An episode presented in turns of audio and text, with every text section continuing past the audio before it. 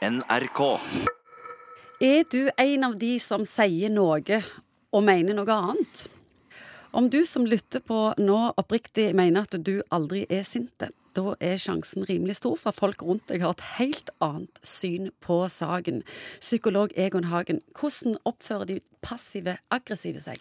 Det er folk som på en måte av en eller annen grunn har oppfattet at hvis de er veldig markerende i forhold til hva de mener, veldig tydelige, sier fra Dypest sett så handler dette om frykt for tap av kjærlighet, for å holde oss litt innenfor psykologien. De tenker at det er ikke mulig, jeg kan ikke gi uttrykk for det jeg mener direkte, for det vil gjøre at du taper kjærlighet eller omsorg eller et eller annet. Og da finner du ganske mange andre måter. Det er jo alle sånne ting som silent treatment. Du sier ikke noen ting, du viser med kroppsspråket, det er måten du stø støvsuger på. Altså det er tusen måter. Du svarer kanskje òg overhyggelig, eller kommer med kryptiske og tvetydige utsagn? Ja, det er liksom et helt spekter av dette. Og de forskjellige som dette gjelder, utvikler en egen stil der for indirekte å signalisere at de, dette er de piker ikke fornøyd med. Og du sa de det gjelder, kan jeg si kvinner?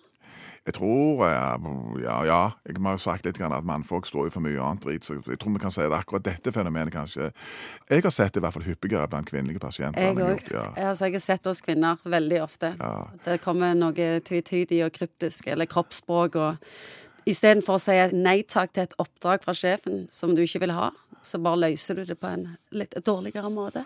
Ja, det er en måte, for burde du aldri spurt igjen. Ja. og så er det jo sikkert ganske vanlig mange ganger innenfor parforholdet hvor, hvor, folk har drevet med litt sånn en, en, en, tango som begge to kjenner igjen. Kona vet kanskje at mannen oppfatter, får med seg at dette er hun ikke spesielt fornøyd med, men hun tar det ikke direkte opp.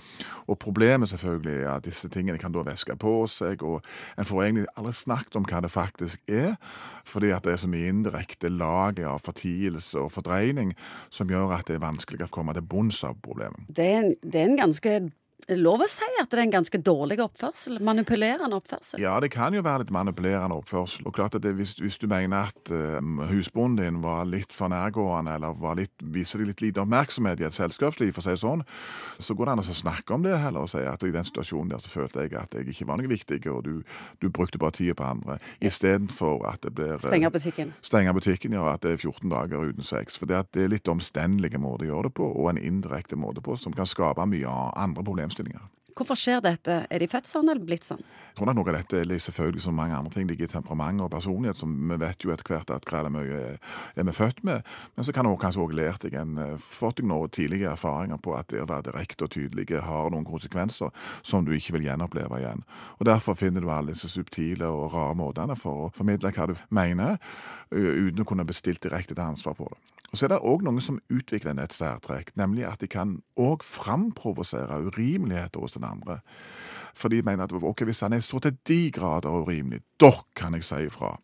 Så liksom eneste måten og eneste kanalen for å få ut denne frustrasjonen, er framprovoserende urimelighet. For det gir deg på en måte et alibi for å si det du mener.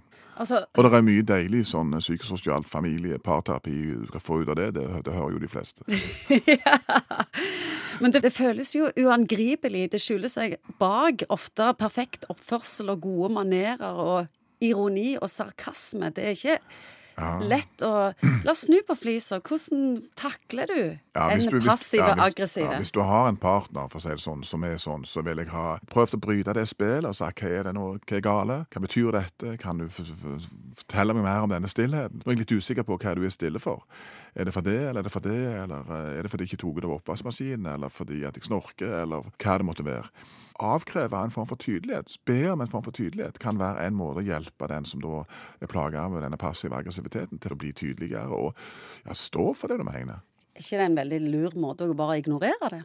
Jo, men, ikke belønne det? Jo, men da går det ikke der å ignorere, da. Så hun ignorerer deg, og du ignorerer henne. Det blir ikke mye moro ut av det heller. Noen må gi seg til slutt. Ja, jo, men så går jo åra. Så det blir ikke mye fest og champagne ut av det der. Nei, eh. uff, kom ut av det. Så dette er for dumt. Vi kan ikke holde på på denne måten. Hva er det egentlig du mener jeg har gjort galt? La oss ta, ta det derfra, så skal jeg prøve å gjøre noe med det.